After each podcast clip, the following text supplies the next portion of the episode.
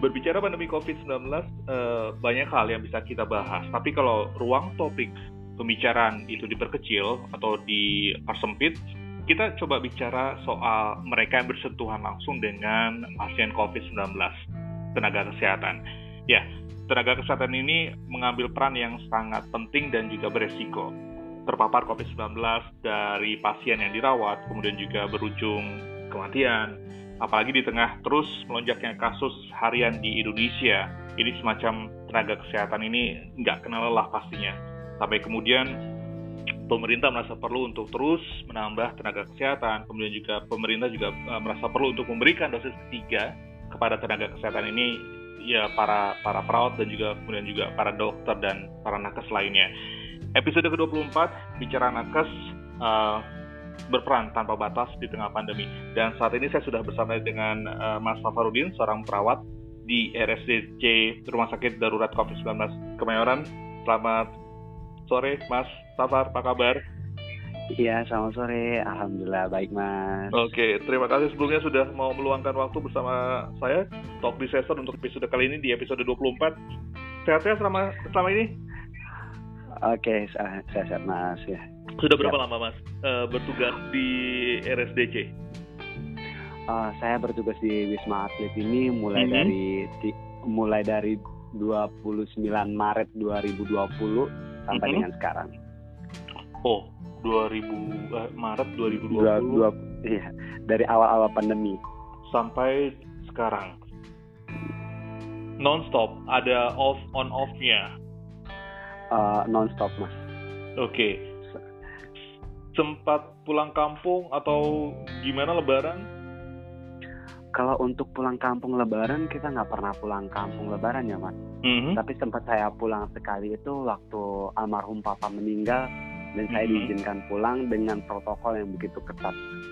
Protokol begitu ketat maksudnya gimana? Uh, sebelum kita pulang itu kita di swab dulu sampai ke tunggu hasilnya dulu. Mm-hmm. Uh, dalam sebelum pulang harus di kasih vitamin dulu dikasih uh, apa obat-obatan untuk persediaan di rumah di masker disediain juga untuk kita sampai kita pulang lagi ke wisma atlet kita di swab lagi walaupun kita udah swab sebelumnya di rumah sakit uh, sebelum kita pulang ya mas dari bandara hmm. kita harus hmm. ada hasil swab hmm. nah di rumah sakit wisma atlet pun kita udah nyampe kita harus karantina dulu harus swab lagi gitu mas dari apa yang eh, berlangsung saat iya. Mas pulang kampung sampai kemudian kembali lagi ke Wisma Atlet, apa hal yang bisa Mas uh, Safar tangkap atau petik betapa penting peran nakes sehingga kemudian merasa perlu harus diberi perlakuan seperti itu? Uh, menurut saya harus penting ya, sangat mm -hmm. penting karena gini Mas, uh, kami berjuang ini untuk masyarakat yang luas tanpa mereka ketahui kalau seandainya kami yang sakit terlebih dahulu gimana orang-orang yang uh, yang butuh bantuan kami. Jadi mm-hmm. prinsipnya di kami di sini kami harus sehat dulu, baru kami sehat membantu seseorang itu agar cepat sehatnya. Kalau seandainya dia sakit dan kami sakit pun dan kami konsentrasi untuk penyembuhan untuk ke pasien nanti bakal berkurang. Mm-hmm. Seperti itu mas. Okay. Tapi apa yang membuat kemudian Mas Safar masa terpanggil menjadi seorang perawat di antara ribuan perawat yang menangani pasien COVID-19 ini? Untuk awal-awal sebenarnya siapa uh, setiap orang pasti takut ya mas. Mm-hmm. Berhubungan kami perawat ini uh, para nakes-nakes yang lain mm-hmm. udah kontak selalu kontak dengan namanya penyakit, selalu kontak dengan virus. Kami seolah-olah di selalu di ujung tanduk kayak pasien-pasien yang lain, HIV, TBC. Seperti itu contohnya kami selalu kontak mas. Jadi kalau untuk takutnya itu udah dari awal kami dididik udah nggak takut lagi sama namanya penyakit asal kita prokes kita dari setiap tindakan itu selalu kita jaga. Oke, tapi Mas Safar menurut laporan dari IDI nih ya uh, per 17 Juli itu ada 545 dokter yang meninggal. Kemudian dari Persatuan Perawat Nasional Indonesia PPNI di tanggal 18 Juli kemarin itu ada 7.392 perawat yang positif, 445 perawat yang meninggal apa yang bisa Mas Safar uh, tangkap dari angka-angka ini? Betapa uh, peran Mas Safar dan teman-teman perawatnya amat sangat beresiko. uh, yang saya tangkap di sini mas uh, setiap tindakan kami para nakes dokter dan perawat dan semua uh, para pendukung tenaga kesehatan mm-hmm. mereka sangat beresiko untuk tertular nggak mm-hmm. nggak ada nama risiko yang kecil kami semuanya risiko terbesar untuk tertular tinggal kitanya lagi tinggal para uh, nakesnya lagi untuk menjaga sistem imun sistem kebahagiaan kita sehingga uh, dropping untuk kebahagiaan kita untuk sistem imun selalu meningkat. Terkadang yang membuat para nakes itu makin drop karena setelah terpapar dia merasa kayak di uh, stresnya makin tinggi, merasa kayak uh, terkucilkan. Beberapa kan teman-teman uh, nakes kita pernah sempat terkucilkan gara-gara positif dan hmm, juga gara-gara yeah. menangani pasien yang positif seperti itu, mas. Hmm, hmm, hmm. Kalau Mas Alfa sendiri di Wisma Atlet uh, ada di unit mananya? ICU atau di ruang perawatan? Uh, sama, uh, saya di rumah sakit Wisma Atlet ini mulai dari hmm. awal saya di ruangan ICU mas. Oke, okay, kalau kami boleh tahu, saya boleh tahu apa saja tugas dari ICU dan uh, siapa saja uh, pasien yang uh, mendapatkan perawatan di ruang ICU. Gejalanya gejala seperti apa, tindakan seperti apa? untuk uh, pasien-pasien ICU kita rata-rata kita berhadapan satu banding satu. Jadi satu perawat satu pasien. Dan dalam penanganan itu 24 jam kita stay di depan pasien. Uh, dalam stay di depan pasien banyak yang kita lakuin mas. Seperti contoh perawatan dengan pasien uh, uh, ICU itu kan rata-rata orangnya sih kesadarannya udah menurun. Okay. tingkat kesadarannya ada yang beberapa yang didampingi dengan obat karena hmm. untuk kesadarannya diturunkan. Uh, di situ kita melakukan uh, apa uh, perawatan perawatan pasiennya depan pasien apa yang uh, instruksi dari teman kita kita lakukan di situ selama 24 jam. Dan kita tidak meninggalkan pasien. Selama 24 jam nonstop uh, untuk kategori-kategori pasiennya itu mas semua pasien-pasien yang berat. Hmm, hmm. Tapi memang untuk yang di ruang ICU uh, nakes atau perawat yang bertugas itu memang masih harus bertugas 24 jam. Iya, kita kan berbagai, berganti shift nih selama oh, 8 jam, 8 hmm. Nah, hmm. Jadi satu hari kan uh, kita berbagi 8 ada yang 8 jam, 8 jam seperti itu. Hmm, hmm. Mas Safar, uh, ini kan uh, kemudian uh, ketika uh, angka nakes baik itu dokter dan perawat ini uh, beresiko, kemudian pemerintah uh, mulai minggu itu sudah ada apa ya penambahan dosis ketiga. Untuk Mas Safa sendiri sudah diketahui kapan mendapatkan dosis ketiganya? Tapi uh, atau paling tidak sudah mengetahui hal itu? Iya, kalau untuk dosis ketiga kita sudah mendengar kabarnya sih mas kalau kalau ada untuk dosis ketiga untuk para nakes. Hmm. Tapi tepatnya waktunya kapan pemberiannya untuk para nakes kita belum mengetahui uh, hmm. gitu mas. Oke, okay. kalau melihat uh, angka kasus harian yang terus meningkat di, di angka 50 ribu beberapa hari terakhir ini, apa yang uh, juga harus menjadi apa ya perlindungan bagi para nakes ini sendiri buat kemudian terus merasa fit? Apa sih yang dikonsumsi setiap harinya? Uh, semacam uh, vitamin atau apa gitu? Oke, okay. untuk para nakes biasanya kita uh, selalu doping uh, dengan vitamin ya mas vitamin C kayak gitu yang yang harus kita dopingin lagi itu dengan kebahagiaan sistem imun kita mas uh, olahraga yang happy seorang perawat seorang dokter semua pendukung itu masyarakat pun sebenarnya harus happy juga karena kalau sistem imun kita udah udah kepikiran udah stres dengan pekerjaan kami yang kayak seperti ini uh, selalu kemungkinan besar terpapar kami stres itu mungkin sistem imun kita makin menurun. Jadi kami di sini selalu uh, bahagia, selalu dikasih uh, vitamin, kami selalu konsumsi vitamin seperti itu. Olahraga, pakai masker, jaga jarak, kami selalu terapkan seperti itu. Masa khawatir mas dengan keadaan belakangan ini? Uh, mungkin kalau yang di RSDC cukup uh, uh, gimana mas? Apakah uh, dari informasi di luar terkait dengan jumlah kasus harian yang uh, meningkat, apakah uh, cukup mengganggu pikiran dari Mas Safar sendiri? Izin Mama, suaranya putus-putus nggak denger.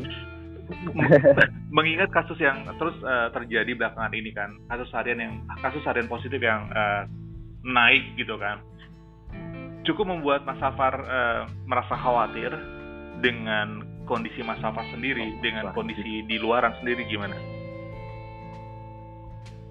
Halo. Halo. Suaranya bilang Mas.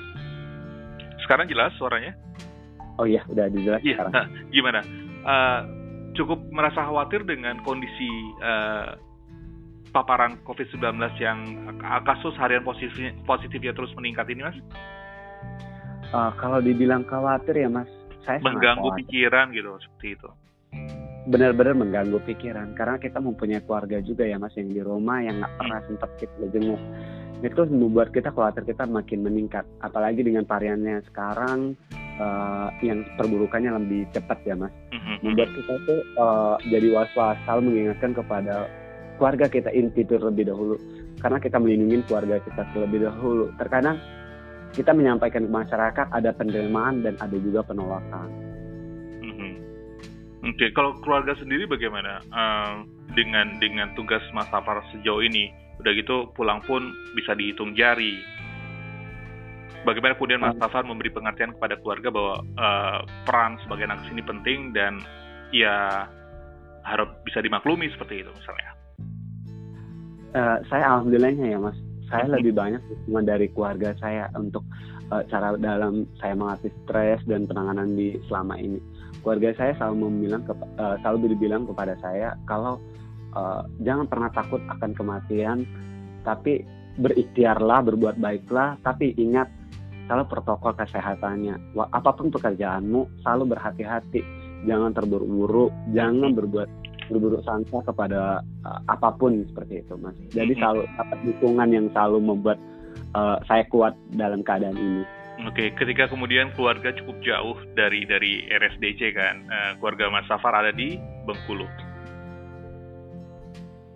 Halo. Iya, benar. Iya, iya benar. Uh, uh, ini apakah kemudian ada keterlibatan emosional antara uh, nakes Mas Safa sebagai perawat dengan pasien yang kemudian uh, perawatannya justru jauh lebih dekat, jauh lebih uh, kekeluargaan, kemudian ini saling support system antara pasien dengan perawat seperti itu tercipta?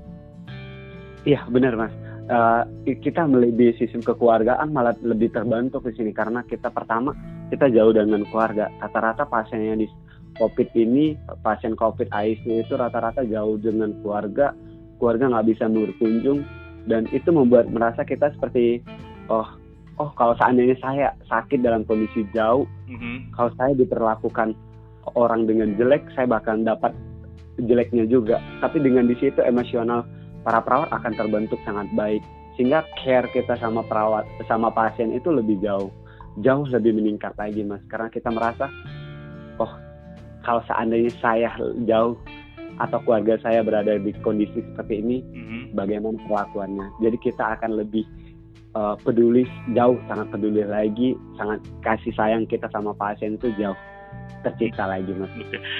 Ada momen emosional yang pernah terjadi selama ya hampir dua tahun ini ketika Mas menjalani uh, tugas sebagai perawat di rumah sakit uh, darurat COVID-19? Uh, yang buat saya uh, yang selalu ingat ya mas ya yeah, uh. beberapa keluarga pasien itu sering kan menelpon kita mas di mana keadaan kondisi keluarga kita di situ uh, terciptalah silaturahmi kita antara uh, perawat dengan keluarga pasien setelah ada beberapa pasien yang sembuh, kita bakalan ketemu dengan pasien itu lagi di lain, uh, walaupun di pagar ya dengan mm-hmm. jarak seperti itu. Uh, kita saling menyapa, saling senyum, jadi keluarga. Kalau ada keperluan, oh Pak, dia selalu bilang, oh ada seperti ini, ada kiriman. Terkadang kita juga dapat seperti itu ya Mas. Uh, seperti buah-buahan, seperti uh, dapat makanan dikirim dari keluarga pasien karena dari situ benar-benar terbentuk kekeluargaan dengan keluarga pasien serta dengan pasiennya seperti itu mas. Hmm, ada hal-hal seperti itu kayak misalnya iya tadi seperti Mas Safar mengatakan bahwa ada loh keluarga pasien yang sudah keluar dari RSDC kemudian uh, menyempatkan diri meskipun uh, harus di luar pagar untuk memberikan sesuatu makanan seperti itu menyapa sekilas seperti itu masih ada ya sampai sekarang. Masih ada malah mak semakin banyak orang yang seperti itu. Kami makin uh, gimana ya mas? Makin semangat kami makin bergebuh-gebuh untuk pasien itu sembuh gitu. Mm-hmm. Itu satu hal. Ada lain halnya yang mungkin uh, Mas Afat sendiri merasakan uh, momen yang amat sangat emosional sampai harus uh, menangis, haru seperti itu. Uh, ada sih sempat uh, kemarin sempat keluarga pasien itu suaminya yang meninggal mas dalam uh, penanganan itu dia selalu nelfon kita dan selalu kita jelaskan kondisi pasien tersebut. Uh, pas, si keluarga pasien ini selalu bilang ke kita, selalu mendukung kita ya mas dengan uh, kasih support, kasih ka, tolong kasih tahu sama istrinya, kirim video uh, sama suaminya walaupun suaminya nggak sadar gitu itu kita selalu hmm. kasih dukungan kasih rohani kayak orang Kristen kan selalu berdoa doa kalau orang Islam dikasih air-air seperti itu selalu kita kasih uh, setelah mereka suaminya sang suami meninggal si anak menelpon kepada kita mengucapkan uh, terima kasih walaupun papanya udah nggak ada. Itu membuat kita seperti ada sesuatu yang gagal yang telah kita lakukan walaupun kita melakukan dengan maksimal. Merasa kita nggak bisa melawan takdir. Tinggal kita berbuat semaksimalnya tinggal orang yang menilai kita seperti apa. Okay. Mas Alpar perawat itu kan juga manusia, nggak melulu harus berhadapan hmm. dengan pasien yang um, sakit, rintih, berada dalam ruang ICU dan uh, lain hal uh, lain uh, hal-hal lainnya yang mungkin uh, apa ya uh, meng, mengusik batin seperti itu. Nah, uh, ada hal yang keseharian teman-teman nakes di di RSDC yang membuat uh, mencari sesuatu yang untuk endorfin, kesenangan, menambah imun seperti itu, hal-hal hobi yang menarik yang dilakukan? Uh, untuk para relawan di sini rata-rata kita hobinya olahraga ya mas, oh, karena kita nggak keluar dari pagar, keluar dari pagar, jadi kita apa pun semuanya di dalam pagar ini nggak ada namanya para relawan itu keluar dari wisma atlet. Jadi yang buat kita semangat terkadang-kadang itu uh, apa olahraga, nyanyi-nyanyi dalam kamar, udah kayak orang uh, stres orang banyak, tapi nggak memang seperti itu dilakukan. Ada kalian kita nyanyi-nyanyi dalam uh, eh, WC atau dalam kamar udah kayak orang teriak-teriak gitu loh mas. Jadi walaupun dengan nada yang fals dia penting nyanyi aja gitu, yang penting bahagia aja. saya, saya tuh kerap melihat di di aplikasi TikTok gitu kan ya postingan yeah. para para para uh, para tenaga kesehatan ataupun juga pasien mereka menari-nari olahraga dengan lagu-lagu uh, dangdut. Ah, kepaka memang itu sengaja diciptakan untuk kemudian membuat mereka uh, imun mereka uh, tetap stabil, kemudian mereka tetap ceria seperti itu. Iya benar mas, karena uh, saya dulu nggak pernah main TikTok tapi iya, sekarang udah main TikTok.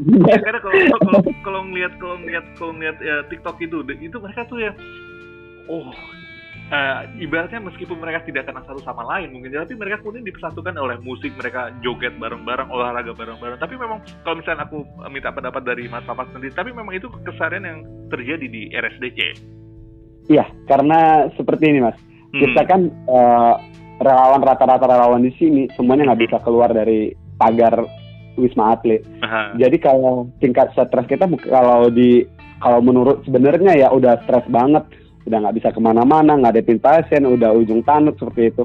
Aha. Tapi kita selalu bahagia gitu dengan berbagai cara. Ada yang nyanyi-nyanyi, ada yang joget TikTok. Rata-rata sekarang relawan udah banyak tahu TikTok sekarang, udah joget-joget gitu mas. Tapi itu hal yang paling seru ya tapi itu hal yang paling seru di di di antara ibaratnya 24 jam hal yang paling seru itu sebenarnya bukan sebenarnya tapi ada bagian ada ada beberapa jam yang kita bisa uh, senang-senang seperti itu. Tapi senang-senangnya pun bukan senang-senang yang euforia senang-senang tapi tentu ada manfaatnya bukan? Iya benar-benar kita senang-senang yang bermanfaat aja mas. Mm-hmm. Mas Safar, apa yang telah uh, membuat kemudian uh, apakah selama ini kemudian membuat Mas Safar cara berpikir Mas tentang hidup berubah? Membuat saya berpikir tentang kehidupan, saya lebih uh, konsep semuanya buat konsep dengan agama ya Mas. Mm-hmm. Saya lebih menghargai uh, menghargai Allah Tuhan. Mm-hmm. Saya meng lebih menghargai kesehatan. saya lebih uh, berpikir yang lebih kritis saya harus berpikir uh, cepat harus seperti itu dan saya harus uh, membuat sistem itu harus semuanya harus dikendalikan dengan pikiran yang tenang harus sabar karena kalau di menurut saya mas kenapa Tuhan itu mengajarkan WHO itu mengajarkan untuk pakai masker. Kenapa? Saya ambil simpelnya aja. Anggap aja Tuhan itu menyuruh kita untuk sehat. Oh di luar itu banyak debu loh. Di luar itu banyak virus loh. Cuman ya. pakai masker kita bisa menghindari itu loh. Jarang Tuhan flu. itu tahu sebenarnya. ya, ya. Mm -hmm. jadi jarang flu jarang pilek jarang batuk. Iya iya benar. Mm -hmm. iya. Ada hal lainnya lagi yang mungkin uh, merubah pandangan Mas Mas Safar selama selama kemudian merawat pasien-pasien ini tentang nilai hidup, nilai kemanusiaan. Ya, ada juga sih mas, uh, kan selalu setiap kita tindakan itu kan kita cuci tangan nih. Mm-hmm. Setelah selesai setelah uh, tindakan, setelah sebelum dan dari ruangan, pak biasanya kita selalu cuci tangan. Dalam situ saya juga berpikir, kenapa sih harus cuci tangan gitu kan? Mm-hmm. Uh, takutnya kita pulang, anggap aja kita nggak lagi lagi di rumah nih, lagi di rumah, kita nih nggak pakai cuci tangan kita pegang semua sana sini. Kita nggak tahu apa yang ada yang kita pegang. Bakteri kah, virus kah, tai ayam kah, atau apa kita nggak tahu. Mm-hmm. Jadi ya konsep cuci tangan anggap aja itu sebagai perlindungan kita. Di tangan kita kita nggak tahu kotor atau bersihnya. Walaupun kita anggap itu bersih, apa salahnya kita cuci lagi? Mem membuat kita makin uh, memproteksi diri. Oh, siapa tahu ada kuman di tangan saya. Oh cuci tangan lagi biar bersih. Seperti itu mas. Oke. Okay. mas Safar pesan buat mereka yang mendengar uh, podcast ini agar mau mau mau menyadari uh, eh, COVID-19 ini ada dan lindungilah antar sesama. Iya. Buat para warga Indonesia saya cuma berpesan silakan kalau kalian mau nggak percaya ataupun gimana tapi sayangilah diri kalian, sayangilah keluarga kalian dengan caranya bagaimana. Pakai masker, cuci tangan, dan jaga jarak. Kenapa prokesnya itu harus dijalankan? Jagalah diri Anda untuk diri Anda sendiri dan keluarga Anda. Jangan jadi orang yang zolim. Percuma kita beribadah, tapi kita berbuat zolim kepada orang lain. Contohnya seperti apa? Kita nggak tahu kita punya virus atau enggak kita nggak tahu orang yang kita ajak ngobrol itu punya virus atau enggak kalau seandainya kita bersama-sama pakai masker, dia batuk dan kita batuk, tidak ada kita menyebarkan satu sama lain. Dan keluarga kita, orang-orang yang kita sayangin, kita lindungi dengan cara seperti itu. Oke, Mas Safar, kapan mau pulang? Kalau dibilang mau pulang, hari ini pun saya mau pulang, Mas. Kalau dibilang pulang, rindu, setiap orang pasti rindu. Mm-hmm. Setiap orang pasti kangen seperti apalagi seperti saya ya mas mm-hmm. udah hampir dua tahun saya nggak pulang mm-hmm. apa, yang, apa yang membuat mas Safar bertahan saya membuat saya bertahan pesan dari almarhum bapak saya mm-hmm. berjuang anak sampai ini selesai baru kamu pulang hilangkan rindumu hilangkan semua kerinduan di hatimu. Bisa kau obati dengan video call ataupun dengan cara lain daripada kamu pulang membawa virus, daripada kamu pulang membawa penyakit untuk keluarga dan orang sekitarmu, itu jauh merugikan daripada kamu pulang. Kok jadi nangis? Nggak apa-apa, Mas. Nggak apa-apa. Ada lagi, nggak apa-apa. Silahkan. Kalau mungkin apa ya? Uh, ini bisa menjadi kayak macam self healing buat kita semua ketika uh, kita semua sebenarnya manusia yang yang saling membutuhkan gitu kan. Ada hal-hal yang mungkin kita sembunyikan demi demi perjuangan untuk uh, untuk orang lain. Tapi tanpa kita sadari sebenarnya kita juga butuh pertolongan. Sekedar uh, mendengar uh, kisah orang lain. Buat saya pun ketika saya kemudian berdiskusi, berkomunikasi dengan Mas Safar, saya mendapat insight lain dari seorang nakes yang intinya ada hal-hal yang mereka merasa terpanggil, tapi belum tentu orang lain merasa terpanggil untuk bisa menolong orang lain. Ada iya, hal, betul kan? Ada hal-hal yang bisa dipelajari uh, langsung oleh Mas Safar, tapi belum tentu saya memiliki keistimewaan mendapatkan pelajaran apa yang uh, didapati oleh Mas Safar. Iya benar. Ya, jadi uh, saya tidak bisa menempatkan standar standar hidup saya uh, di standar hidupnya Mas Safar yang saat ini mungkin jauh lebih tinggi karena begitu banyak pengalaman yang menyentuh jiwa-jiwa yang harus diselamatkan oleh Mas Safar sendiri. Maka dari itu pun saya belajar dari Mas Safar. Jadi ketika Mas Safar kemudian menangis, mungkin itu bagian dari uh, apa ya? Kalau sotoy, ibaratnya correct me if I'm wrong, mungkin itu ada ada ada uh, ada luka kecil yang mungkin selama ini Mas Safar sembunyikan, tapi kemudian Mas Safar masa terpanggil untuk ya sudah silakan lagi naik. Wow manusiawi, bukan gitu. Iya benar. sudah lah mas. iya benar. Nah. Terkadang kita harus mena uh, menahan tangis ya mas, oh, harus betul. di depan orang lain tapi orang nggak tahu apa yang kita rasain Betul. seperti itu.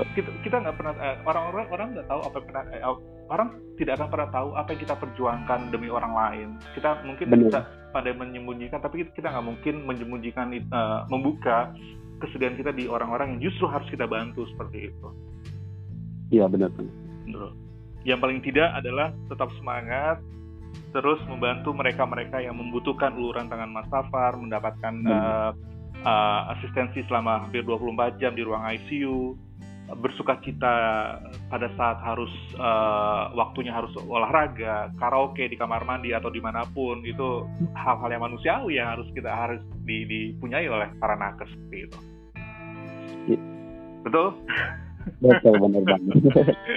Mas Safarudin, terima kasih banyak. Maaf kalau pada yeah. akhirnya Mas Safarudin harus uh, menitikan air mata, ingat pesan dari yeah. almarhum Bapak yang kemudian harus terus berjuang uh, sampai tidak boleh pulang dulu sampai semua harus selesai seperti itu paling tidak ada nilai-nilai yang juga saya pelajari bahwa setiap-tiap orang itu berjuang memiliki perjuangan yang beda-beda. Iya, betul. Betul. Betul atau betul?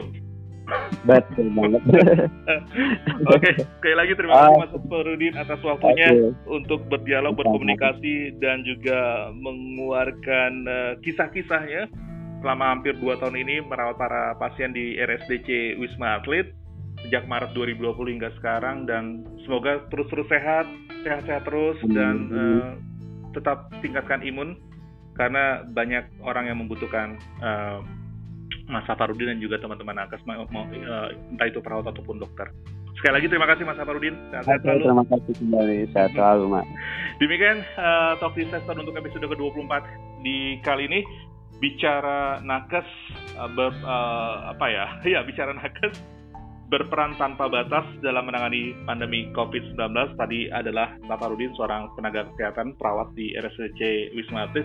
Semoga apa yang kita bicarakan atau kita diskusikan obrolin hari ini bisa bermanfaat dan membuka pikiran dan juga wawasan kita serta empati kita sesama uh, di tengah pandemi COVID-19 yang terjadi di Indonesia. Akhir kata saya Prihadi Adi ucap terima kasih dan pamit undur diri. Feel free untuk diskusi di uh, Instagram saya di prihadi underscore adi. Terima kasih, sampai jumpa. Assalamualaikum warahmatullahi wabarakatuh. Mas Safarudin, terima kasih banyak. Iya, sama-sama Mas. Assalamualaikum.